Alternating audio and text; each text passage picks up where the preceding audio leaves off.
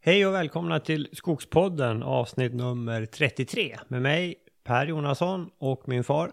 Bo Jonasson. Ja Bosse, idag sitter vi igen i ett kyligt Bergslagen och eh, vi ska sammanfatta skogsåret eh, 2017. Ska summera vad vi har gjort och inte gjort. Precis, och sen ska vi kika lite framåt också, vad vi har i kikaren, vad vi ska göra 2018 och kanske några reflektioner också däremellan, mm. vad vi kan ja, göra bättre mm. nästa år, eller i år. Mm. Men innan vi går in på det Bosse, så ska vi, har vi den eh, roliga nyheten att vi kan presentera en ny samarbetspartner. Nämligen Föreningen Skogen. Vi har ju samarbetat med dem eh, tidigare. Vi var med på Föreningen Skogens höstexkursion eh, som ni kommer ihåg. Vi var med och gjorde ett reportage om det och vi kommer att fortsätta och fördjupa samarbetet under eh, det här året nu. Så jätteskojigt att vi hälsar föreningen eh, Skogen eh, välkommen som ny samarbetspartner och då har vi också ett erbjudande för Skogspoddens lyssnare. Om man går in på skogen.se snedstreck skogspodden så kan man teckna sig för en prenumeration på tidningen Skogen. Eh, tre nummer för endast 99 kronor. Ordinarie pris är 149. Så gå in på skogen.se snedstreck skogspodden och signa upp er för en prenumeration på tidningen Skogen om ni inte redan har den. Jag, tr jag, tror att det här är, eh, ja det är ju definitivt en bland de största skogstidningarna i Sverige. Och äldsta. Ja. En lång historia. Ja, det är alltså nästan eh, 100 000 läsare. Skogseko lär ju vara större, nu går väl ut till alla skogsägare. Mm. Mm. Ja, men den är bra. Kika på det om det kan vara något för er.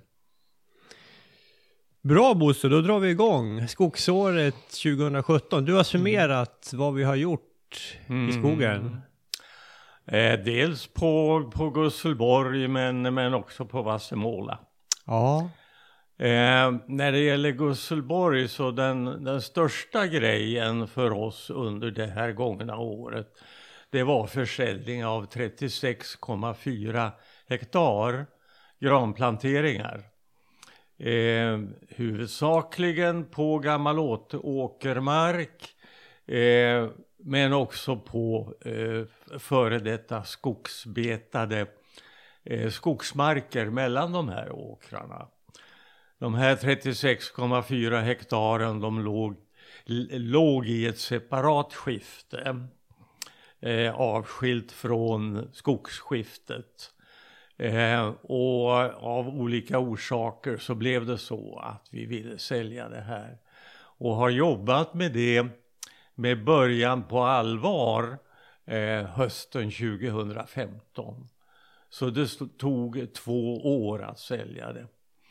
En eh, ganska ovanlig och märklig skog. Mm. Där stod alltså på de här 36,4 står fortfarande på de här 36,4 hektaren så står det eh, 16 000 skogskubikmeter. Så det gör ett snitt per hektar på 440 skogskubikmeter per hektar. Och om man särskiljer här en beskogning som vi gjorde där 2009 och bryter ut den så står det på den övriga marken faktiskt 480 skogskubikmeter per hektar. Det här är, eh, det står också ungefär 900 till 1000 stammar per hektar. Mm. Och höjden är 28 till 30 meter. Så det här är en mäktig skogsfläck. skogsfläck som nu har fått en ny ägare. Mm. Eh, och några detaljer till om det. Vi har inte haft några eh, stormfällningar, inga vindfällningar på de 55 år som den här skogen har stått där. Mm. Det finns inga luckor. Det finns inga eh, traktorspår. Och allt är gallrat en till två gånger. Och det här är en, en vacker skog Mm. med en genomgående tjock eh, mossmatta på marken. Mm. Och så träden som står i det där. Det här är en, ja som jag tycker, en, en väldigt vacker skog. Mm. Och, och varför säljer vi den då? När den är så bra? Ja. Eh, skattefråga, generationsskiftesfråga och vi har även på eh, skogsskiftet mycket gammal skog som ska avvecklas. Och det här eh, kommer, eh, ja det- här med räntefördelningen kommer in i bilden här. Mm. Ehm, det, var, det var ett väl övervägt beslut att, att sälja det här. Och gratulera den nya ägaren. Ja, grattis till honom. Du var med och planterade delar av det här. Ja, vi, vi började alltså plantera det 1962. Mm. Och eh, 62 och 63 eh, var de stora planteringsåren. Mm. Sen eh, köpte vi till en liten bit senare som planterades först 1976. Mm. Just det. Ja. Ja, bördig mark. Bördig mark, absolut. Mm. är lite ovanligt år för eh, det här 2017 på, på Gusselborg för vi, vi ägnade oss inte alls åt beskogning. Eh, Nej. Det brukar vara den huvudsakliga sysselsättningen i april, maj annars. Mm. Just det. Ja, vi Men eh, ingen- vi har desto mera till 2018. Ja, ja precis. Ehm, röjningar har vi ägnat oss åt istället. Mm. Ehm, jag räknar eh, så här helt kallt med att vi har tre röjningar i genomsnitt per ungskog. Om man eh, eh, tar skogsarealen 340 hektar som det är frågan om och räknar med en genomsnittlig omloppstid på 80 år Mm. så blir det så att vi ska röja här 13 hektar per år Mm. för att inte komma efter. Ja. Eh, och under det gångna året så röjde vi 16 hektar. Varav 3 hektar var en tidig lövröjning. Mm. Alltså en ganska enkel, okomplicerad röjning. Ehm, men eh, 13 hektar av de här 16 var sånt som krävde, det krävde sin man. Ehm, Mm. Hur många olika bestånd? Det är ju rätt många olika. tre, sex, sju, åtta olika bestånd har jag räknat med Mm. här. Ja. Mm. Det var, var, var röjningen det. Sen har vi eh, planerat eh, eh, gallringar. Mm. Det har vi gjort mycket under hösten här. Ja, det har varit en, en ganska stor sysselsättning för oss. Det är totalt 20 hektar, varav 3 hektar är första gallringar. Mm. Och resten eh, eh, kallar vi för sista gallringar. Eh, det, det är väl sista ordet inte sagt i, i det. Eh, vi planerar här alltså skogsbruket utifrån eh, skogens första 55 år. Mm. Eh, vad som händer efter 55 års ålder, det får, får framtiden vara med och bestämma om. Ja. Ehm, Men fram till 55 års ålder så, så räknar vi med två gallringar. Mm. Eh, mycket möjligt att, att eh, den lilla gran, rena granskog som vi nu har, att den bara kommer att gallras en gång. Just det. Men vi har nästan ingen ren granskog utan det är blandskogar Mm. av tall och gran och lite löv. Men har man en ren granskog så kan man tänka sig att vid första gallringen kommer man ner till 1000-1100 stammar per hektar. Och sen får det stå. Sen kan den stå ja. ja. Mm. Mm. Eh, nej, men vi var i gallringsskedet här. Mm, just det. Där har vi ju 20 hektar sa du. Och det som har tagit tid det är ju de här, äh, dels de här, den här första gallringen. Där det har varit väldigt tätt. Och sen har vi lagt mycket tid på att dra vägar. Det tog rätt så mycket tid. Stickvägar. Vi gör alltså hela jobbet. Vi, vi drar skotarvägarna Mm. Och vi stämplar alla träd som ska bort. Mm. Och, och, och det här är, det här är arbetstungt alltså. Ja. Och tar mycket tid. Mm. Ehm, men eh, vi, vi har valt det, det här året i alla fall att hålla, hålla fast vid det här för att eh, det är ju att, att märka att allt det här som vi gallrar nu det är sånt som är stamkvistat. Mm. Och eh, har man börjat med ett sån i- intensiv åtgärd som stamkvistning, då måste man ju fullfölja det också. Mm, ja, absolut. Nej, men vi, vi har ju lite grann, eh, Bosse har ju resonerat om man kan tänka sig att man, att vi, att vi börjar nästa gång så drar vi upp kanske bara basvägarna. Alltså en, en eller två liksom, lite genomfartsvägar mitt i beståndet och, och sen stämplar vi. Och så kanske vi låter skördarföraren kör, ta upp sina egna vägar, stickvägar. Ja, överhuvudtaget att få ner eh, antalet arbetstimmar i förberedelserna. Mm.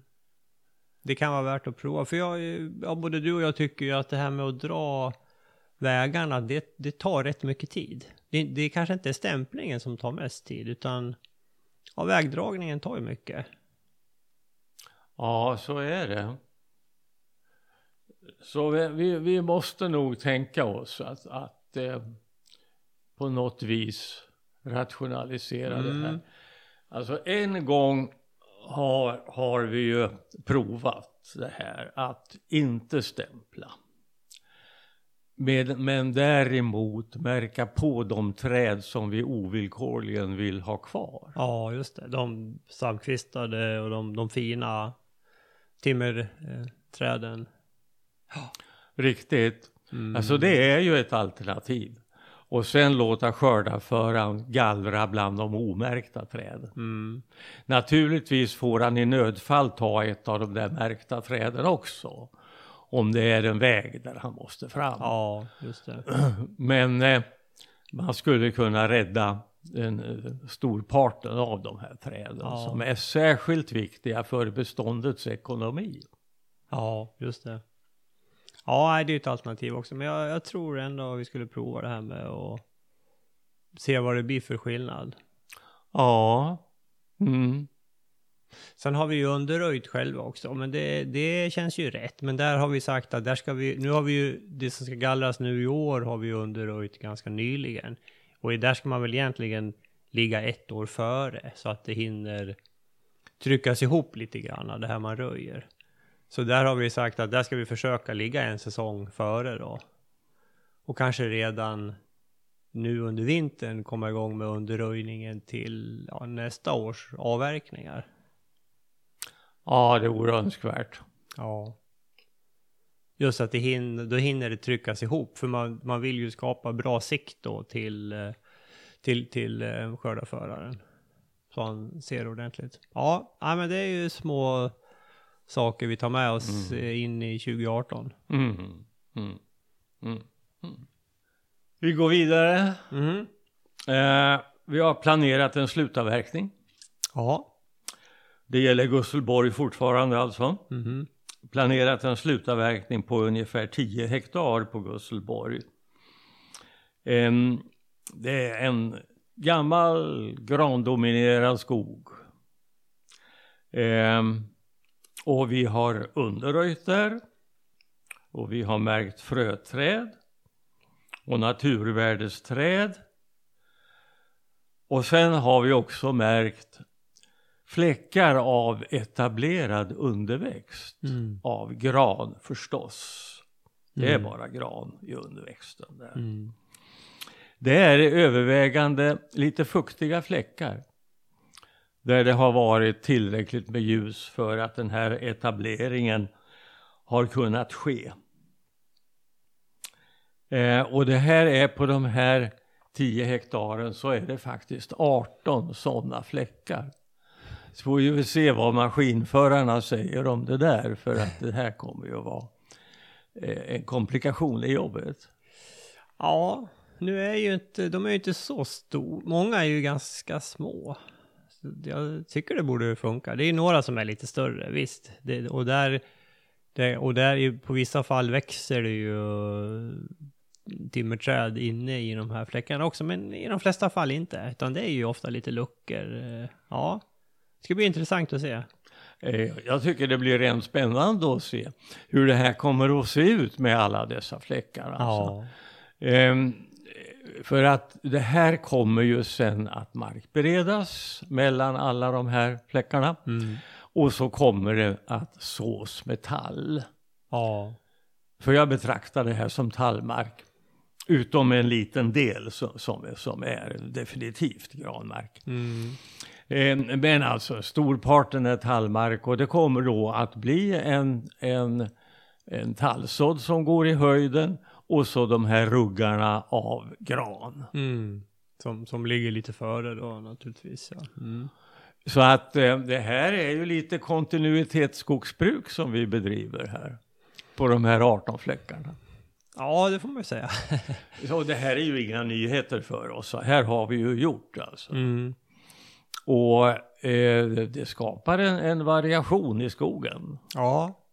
Ja, men det ska bli kul att se, för det är ju det är ju ett par områden som är lite större och det, det blir ju som en liten skog kvar där. Och, och sen är det, det är något drog där som där har vi lämnat ganska mycket också. Så det, det kommer bli liksom ridåer som går igenom det här området med, med skog kvar. En sak som är ny för oss i det här sammanhanget är att, att Per har ju här gjort traktdirektivet. Ja, vi har ju, vi, vi provar ju det, vi, vi, precis. Och då, det, det fina där är ju att då får vi ju med de här uh, granunderväxten då, eftersom jag har gått runt dem med, äh, med äh, e-skogsappen då, så de finns med på kartan. Och sen är ju tanken då att skördarföraren laddar ner appen, då har ju han kartan med markeringarna, för han får ett lösenord av mig. Så när han kör, då dels har vi märkt ut dem med gula band förstås, men dels så har han dem i sin, i sin om man har en, en, en, en eh, smartphone eller en, eh, en padda. Och då ser han ju, ja, här, den här pricken, här är jag och här är cirkeln med granunderväxt. Så ja, det där ska, det ska bli intressant att se. Det ska ju funka att köra i mörker då i princip. Mm. Ja, det, det ska bli ett hjälpmedel då. Ja. Och eh, ja, all annan text som, som eh, krävs i traktdirektiv med eh, instruktioner och, och vägar och, och ja, avlägg Ja. och dylikt. ja. Nej, Gusselborgsskogen det går ju in i en digitaliserad tid nu. Just nu alltså. Ja, ja men det, det gör den ju. Ja, men det, det tycker ju jag är kul. Det är ju... Nej men det har ju, jag tycker det, det är ju jäkligt skojigt. Det Ja. finns ju många fördelar. Vi, vi får en hel... Skogsbruksplanen blir uppdaterad hela tiden och man Mm. kan nå den varifrån man vill och Mm. det, det tas backup på den varje natt. Eh, Ja. Något som man inte behöver bekymra sig om själv utan det, det sköts, eh, sköts eh, centralt. Den här slutavverkningen kommer att påbörjas här nu i dagarna.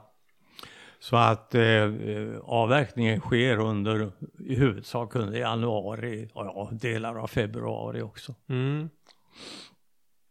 Vi vill ju ha det, och vi har ju tur för nu har det ju faktiskt kommit en eh, köldknäpp också. Ja, det är så underbara förhållanden ute nu.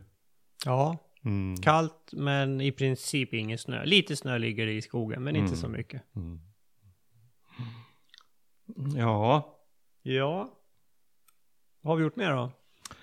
eh, vi har gjort, vi har ägnat oss för ovanlighetens skull åt vägbyggen. Mm. Det är två stycken.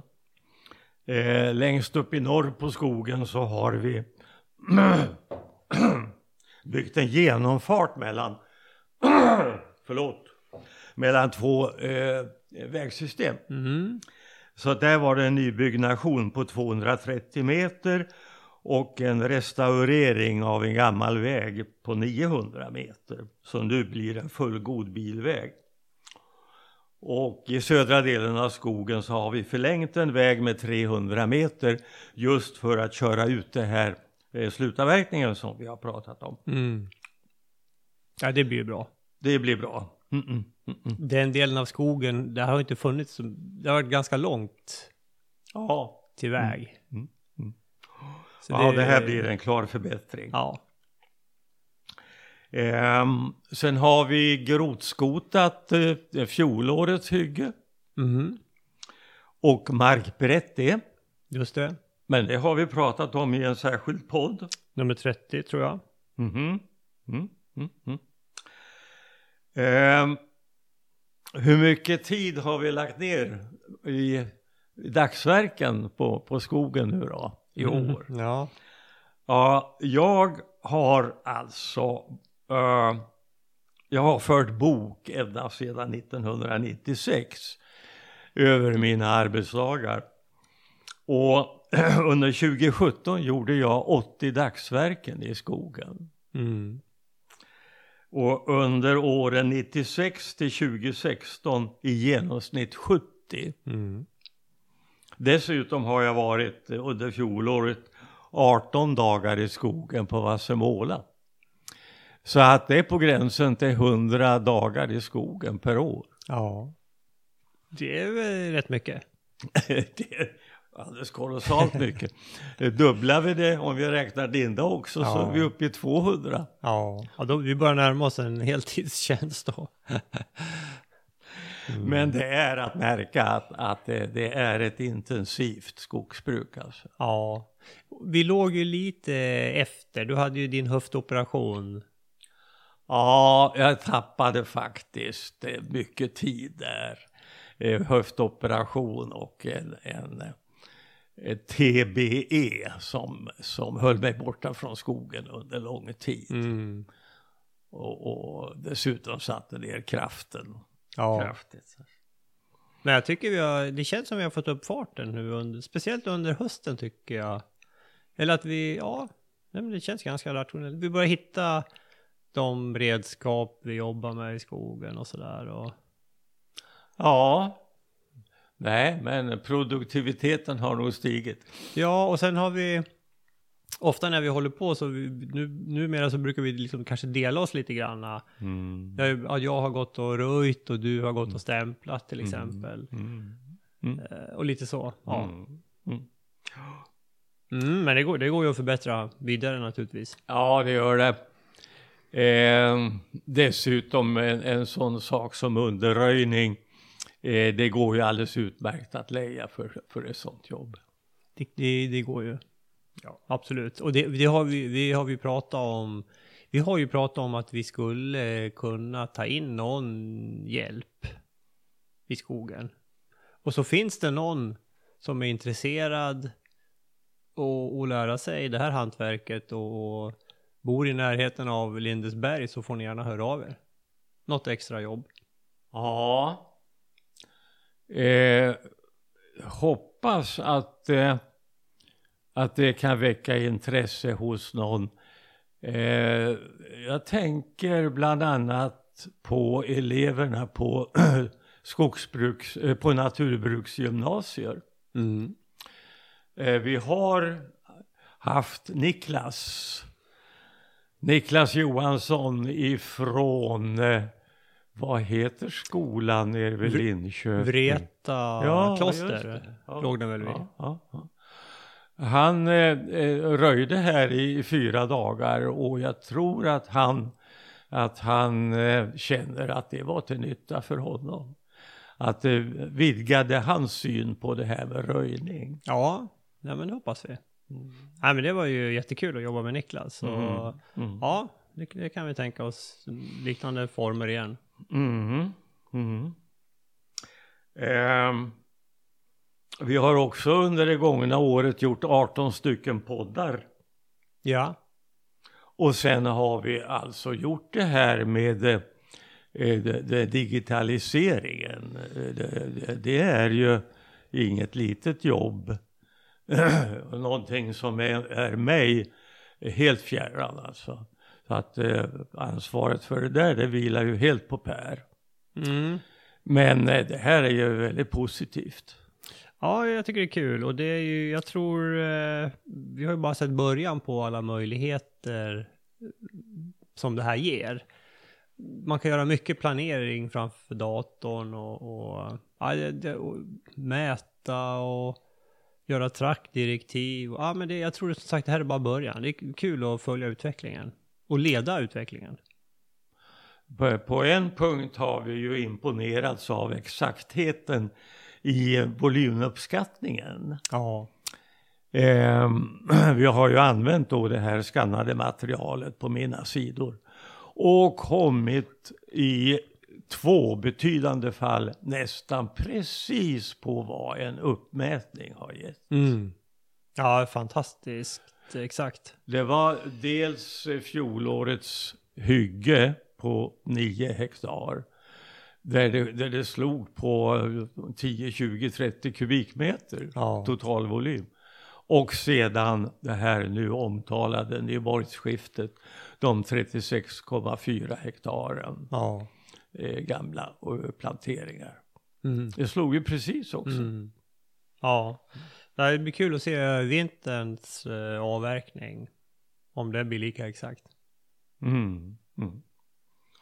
Ja, Ja. Ja, det var Gusselborgsskogen under det gångna året. Ja. Ett hastigt sammandrag. Ja. ja, men det är en hel del tycker jag. Ja. ja, men eh, något ska ju ske på hundra dagsverken. ja, jo. ja, så är det ju. Ja, sen har vi ju gjort en del på Vassemåla också i, utanför Vimmerby i Småland. Ja, visst. Eh, på Vassemåla har, har vi legat efter med, med röjning. Eh, och en av orsakerna till det, det är ju det stenhårda betestrycket alltså. Mm. att eh, det ja enligt, enligt eh, min uppfattning så man kan inte göra någon slutröjning förrän man är uppe i älgsäker höjd. Nej. Nej, där måste man lämna mycket mat till älgen. Och det gör vi också. Eh, men vi började, ja vi började faktiskt redan 2015-16 röja ett bestånd som var planterat och sått 2003. Så vi gjorde den första trevande åtgärderna 2015. Men där eh, tog vi i och ökade takten under 2017. Ändå återstår det en del av det till, till 2018. Men det är alltså utomordentligt tätt. Mm. Det är svårt att gå i det här. Får Ja. tränga sig fram. Så det är en tung röjning. Och tallen där, tallen och granen, det väger väl ungefär jämnt skulle jag tro, Mm. 50-50. Men tallen här den är bete, betesskadad till över 70 procent. Ja, det är ju mycket. Men, men det är den verklighet man lever med. Vi har ju, vi, vi ser ju en liten förbättring. Ja, och vi ska inte vara för pessimistiska. Nej, nej. För jag- att jag tycker nog att vi är i färd med att visa att trots det här höga betestrycket.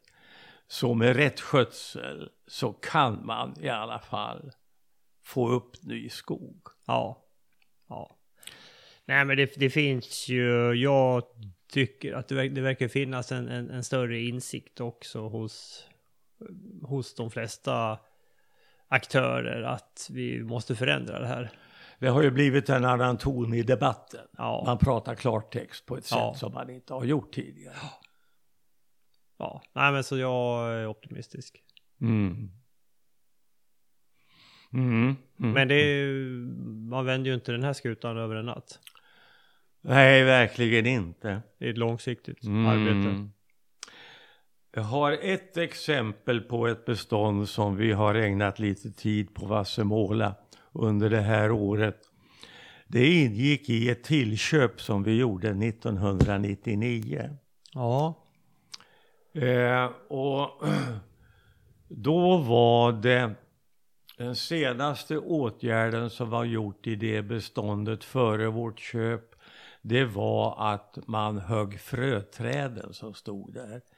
Det här är ett bestånd, storleken är 1,2 hektar. Och det är tallmark, ren tallmark. Mm.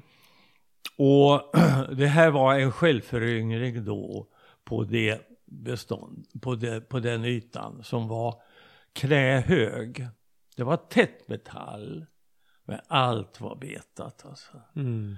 Man kunde gå länge innan man hittade en tall som inte var betad. Och det här röjdes sedan i omgångar med början 2001 och slutröjningen det blev 2017. Och där på de här 1,2 hektaren så står det 88 stamkvistade tallar Mm och 100 stycken till som vi har markerat som blivande timmerträd.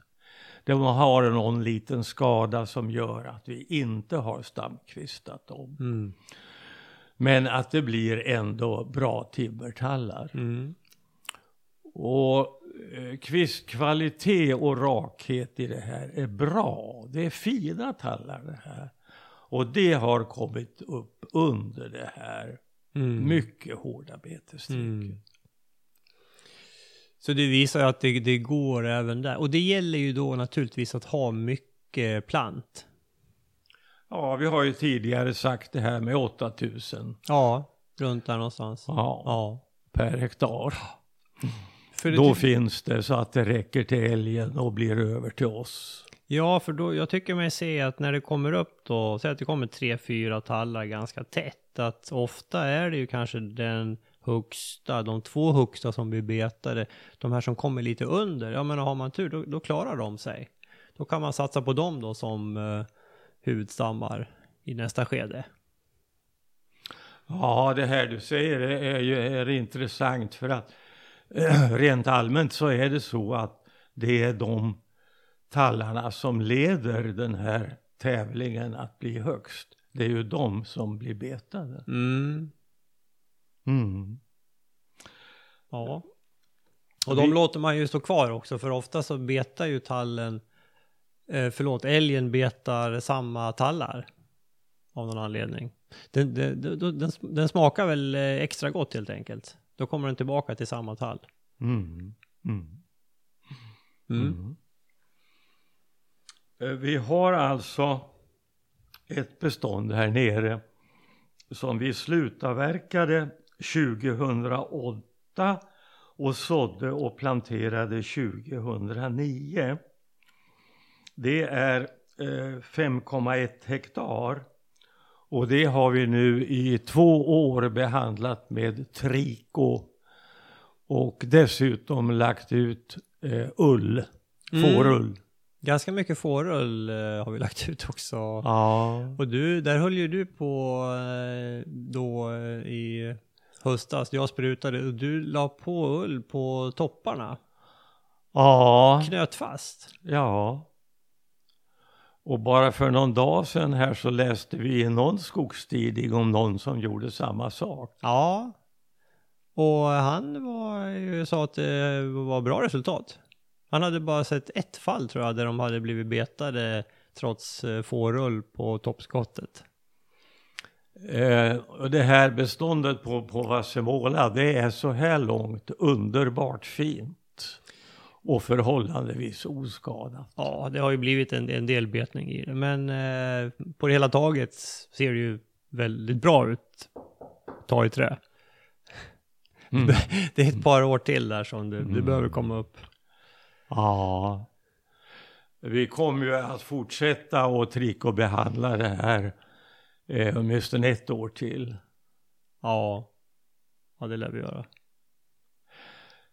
Eh, Det här är alltså 5,1 hektar och i anslutning till det som ligger det ytterligare några hektar som beskogades år 2000 och 2001. Ja, Så att vi har ett eh, ganska stor are- sammanhängande areal med ungskog här. mm. Som är bra på gång faktiskt. Mm. Det ligger ju relativt nära en del bebyggelse. Och det, det kan ju hända att det har, att det skrämmer bort hjortdjuren lite grann. Och nära trafikerad väg. Ja. Mm. Ja, det gränsar ju mot trafikerad väg. Ja, det gör det. Mm. Mm. Ja, vad hade du... Ja, du hade nämnt röjningarna vi gjorde på Vassemåla. Hur många, Ja. Sa du hur många hektar det var? Eh, ja, det som, det som vi röjde under 2017, eh, ja det är blygsamma 3,5 hektar. Eh, Ja, det var inte mycket. nej, det, det låter inte mycket. Eh, om vi gör samma uppskattning av röjningsbehovet, det årliga röjningsbehovet där, Mm. Arealen är 100 hektar. Vi räknar med tre röjningar och 80 år i genomsnittlig omloppstid. Så är röjningsbehovet 4 hektar per år. Mm. Så vi ligger ju ganska nära. Vi ligger rätt nära. Ja, Men vi har ett, ett, en eftersläpning att ta igen. ja och det har vi. Och där, vi har ju både röjning och vi har stamkvistning där också. Ja. ja. Eh, vi sa ingenting om stamkvistning på Gusselborg. Och under 2017 så stamkvistades mig veterligt inte ett enda träd på Gusselborg. Men vi har eh, en eftersläpning här så att vi har 700 tallar i två olika bestånd som är eh, påbörjad stamkvistning Mm. och som måste fullföljas. Mm. Och det är mycket lämpligt att göra under 2018. Mm. 700? Hur så? 700 stycken sa du? 700 Ja, ja. just det. Ja. Och det, är- ja, det blir ju den första, så det, det görs ju, man får ju gå tillbaka en gång till och göra det på, alltså högre upp sen. Ja. Mm. Ja, just det. Mm. Mm. Ja, det är, 700 är rätt mycket. Ja. Eh, vi har ett, eh, ett betydande bestånd på eh, totalt 8 hektar som vi har börjat röja på, på Vassemåla. Mm. Och, och det måste vi försöka fullfölja. Mm. Eh, det, det är eh, tyvärr hårt älg, älgskadat. Mm. Jag skulle tro det, att vi ligger på den här siffran med 70 skadade stammar. Ja, ja. ja. Mm. Där har vi nu också planerat en slutavverkning på 8 hektar, på, nej fel, 4,5 hektar. Mm. Och det kommer att vinteravverkas nu Just. 2018. Just det. Ehm. Sen har vi planerat där en reparation av uthusen Mm. Som är genomförd också. som är genomförd. Mm. Men vi har inte sett det. Nej, nej, vi, vi, vi, måste åka ner och Mm. titta till den. Ja. Eh, och jag har alltså gjort 18 dagsverken på Vassemåla och du har gjort något liknande. Mm. Ja, det är det nog. Mm. Nej, men det känns ju som att 2018 behöver vi lägga lite mera tid där. Lite mera krut på Vassemåla. Mm. Ehm, En dag ägnade vi åt att gå upp en gräns mot en nära granne. Ja, det tog lite tid men det blev bra. Vi hittade ju stenar, gränsstenar till slut och vi kom lite fel på ett ställe så vi var tvungna att göra om en grej men eh, det där är ju, ja, det är ju viktigt. Det är en gräns som en gång har varit, bara för några år sedan, har varit tydlig. Mm. Och som vi då gick upp tillsammans med grannen. Men så växer ungskogen och plötsligt så är alla tecken på gräns försvunna. Ja, Nej, det, det kan gå snabbt. ja. Men det var ju väldigt tillfredsställande att hitta de här gränsstenarna när man gick och letade. Mm. Kommer jag ihåg. Mm. Mm. Eh, på Vassemåla har vi haft ett angrepp av röd tallstekel. Mm. En liten skalbagge som äter fjolårsbarren och äldre barr. Mm. Men icke årets barr, dessbättre. Nej. Vi upptäckte det här när vi var där nere eh, från 26 juni till 1 juli. Då fick vi se mängder av de här larverna. Jag tänkte säga, det, det, det är en larv alltså, det är ingen skalbagge. Eh, det blir ju en skalbagge om den får leva. Ja, men när den äter upp så är När, när den äter då är den larv. Ja. Och den satt ju i klungor på nära nog varenda fjolårsskott. ja, som klasar liksom. Klasar av de här. Man inser vilken mäktig kraft insekterna är tillsammans när man Ja. ser det här. De är så många. De är små men många och, och hungriga är de. ja.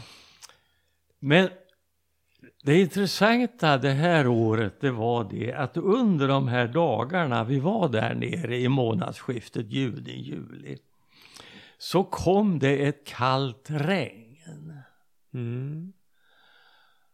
Och ja, jag tyckte ju att efter det regnet så såg vi väldigt få larver. Jag tror att de, att de ja, i stor utsträckning dog alltså. Mm. Ja, det är möjligt. Det här är den andra härjningen av röd tallstekel som vi har upplevt här på senare år. För ja, så sent som 2012, 2012 så var det också ett angrepp av Mm. röd tallstekel. Och jag kan inte erinra mig att jag har sett röd tallstekel härjning i Bergslagen Mm. Under de senaste 20-30 åren. Nej. Nej. Ja, men kanske vanligare i- längre söderut. Möjligt, möjligt. Mm. Mm. Mm. Eh, de här angreppen sätter ju ner tillväxten. Ja.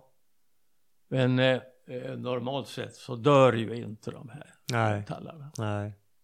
Ja, det är klart den tappar ju en del grön barrmassa som, som den använder till eh, fotosyntesen. Absolut. Mm. Ja, eh, något mer vi har gjort där nere? Nej, det var mina punkter beträffande Vassemåla. Ja. Mm. Sen har vi ju, vi har ju gått på lite seminarium och såna grejer också. Som har varit Ja, just det. Just jäkligt just. intressant tycker jag. Ja, visst du. Vi var på bioekonomiskt forum på Ja. Münchenbryggeriet. Ja. Och vi var, har även varit på virkesforum. Ja. Och det här har varit intressant tycker jag, för det, har ju, det andas ju en optimism inom skogsnäringen tycker jag. Ja, väldigt märkbar sådan skulle jag Mm. säga. Det, det, det, båda de där eh, andades verkligen optimism. Ja, Och vi, vi har alltså en, en utomordentligt fin skogsindustri i Sverige. mm. det har vi. Den, den eh, absolut. Och den har ju, alltså, den har ju bidragit väldigt mycket till, till Sveriges välstånd. Om man tittar på, över, över, på lång sikt. Mm. Mm. Ja, har ju varit oerhört betydelsefull. Alltså. Ja, visst. Och jag menar, det kommer den att vara fortsättningsvis också. Och, och man, prat, man hör politikerna prata ofta om det här, hela, hela Sverige ska leva. Ja, men det är ju ute i, det är ju skogsindustrin som, som, eh, som är verksam ute i landet. Som håller igång med dess olika spin-off-effekter. Jag menar, det är ju inte, det är ju, det, det är jakt, det är friluftsliv och det är liksom skogsbruk, arbetstillfällen. Ja, Nej, det är oerhört betydelsefullt. Alltså vi, vi måste ha en konkurrenskraftig skogsindustri. Konkurrenskraftiga sågverk. Alltså. Ja. Och, ja, men så, och, det, och det är kul att byggandet i trä ser ut att, att öka också. Ja. Mm. Mm. Ja, visst. vi, vi var också med på Skogens höstexkursion, föreningen Skogens höstexkursion. Ja. Under två dagar i trakten, i Skövdetrakten. Mm. Eh, intressant. Mycket bra äh, grejer där. Mm. Mm. Ja, nej, men vi får komma tillbaka till det här med eh, svensk eh, skogsindustri. Ja. Kika lite mer på vad som händer på forskningsområdet Mm. där. Mm. Ja, och, och det är ju inte så gammalt det här. Alltså man kan gott säga det att skogen fick ett värde år 1850. För att förenkla det lite grann. Mm. Det är då eh, de här årtiondena 1850-1860. Det hände väldigt mycket alltså. Då fick man fart på sågverken vid eh, älvarna. Var det så? Ja, Mm. ja. Mm.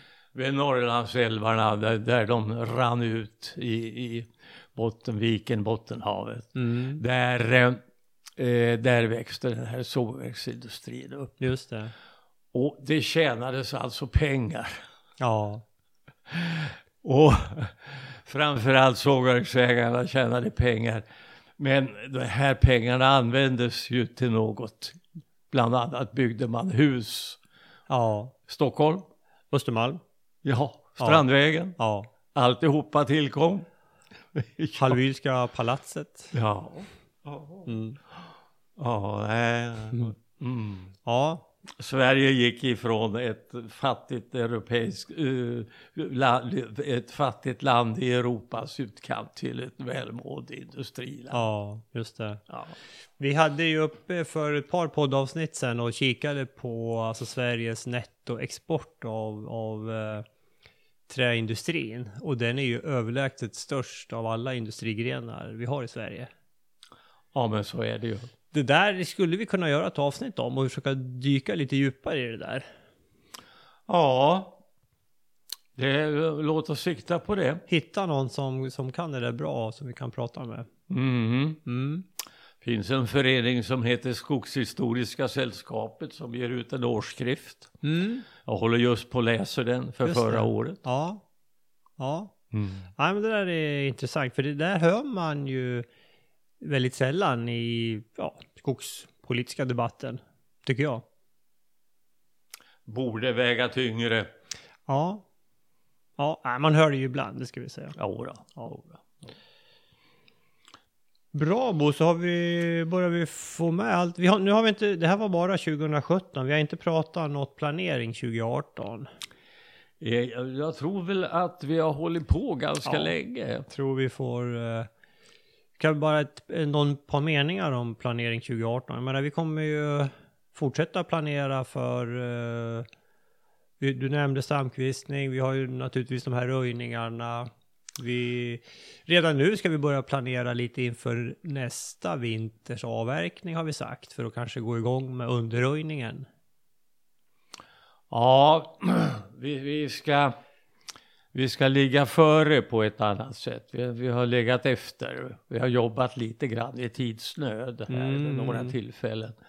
Och det ska inte behövas. Med rätt planering så, så ska man inte behöva jobba under tidspress. Men en sak ska vi prata om beträffande 2018 och det är beskogningen av 9 hektar, det vi högg ner för ett år sedan. Ja. Och det blir i stor utsträckning anläggning av barblandbestånd. Ja. Med lövinslag förstås. Eh, och det här, vi kommer ju att börja den här beskogningen i april. Och vi återkommer till det här för vi har ju tidigare sagt att de som är välkomna, eller de som vill, är intresserade, de får gärna komma och titta på oss när vi anlägger den här barblandbestånden. Mm. Och det ligger på vägkant, ganska lätt att förklara var det är. Mm. Och eh, vi kommer att vara där ett antal dagar så att det är bara att komma och titta. Ja. Nej, men vi får väl återkomma om lite exaktare tidpunkt när vi närmar oss. Vi återkommer till det där. Mm. Mm. Mm. Bra, nej men vi sätter nog punkt där Bosse. Ja, det tycker jag verkar lämpligt. Ja. Innan vi stänger helt så ska vi uppmärksamma vår nya samarbetspartner eh, Föreningen Skogen. Och just nu kan du som lyssnare på Skogspodden teckna dig för en prenumeration på tre nummer av tidningen Skogen för endast 99 kronor. Eh, ordinarie pris 149. Gå in på skogen.se snedstreck skogspodden eh, så hittar ni erbjudandet där. Vi lägger ut en länk på vår hemsida också. Mm. Bra, men då eh, stänger vi lådan och säger på återhörande. Vi gör det. Vi ska till skogen och röja nu. Det och stämpla. Jajamän. Hej så länge. Hej med er. Tack för att ni lyssnade.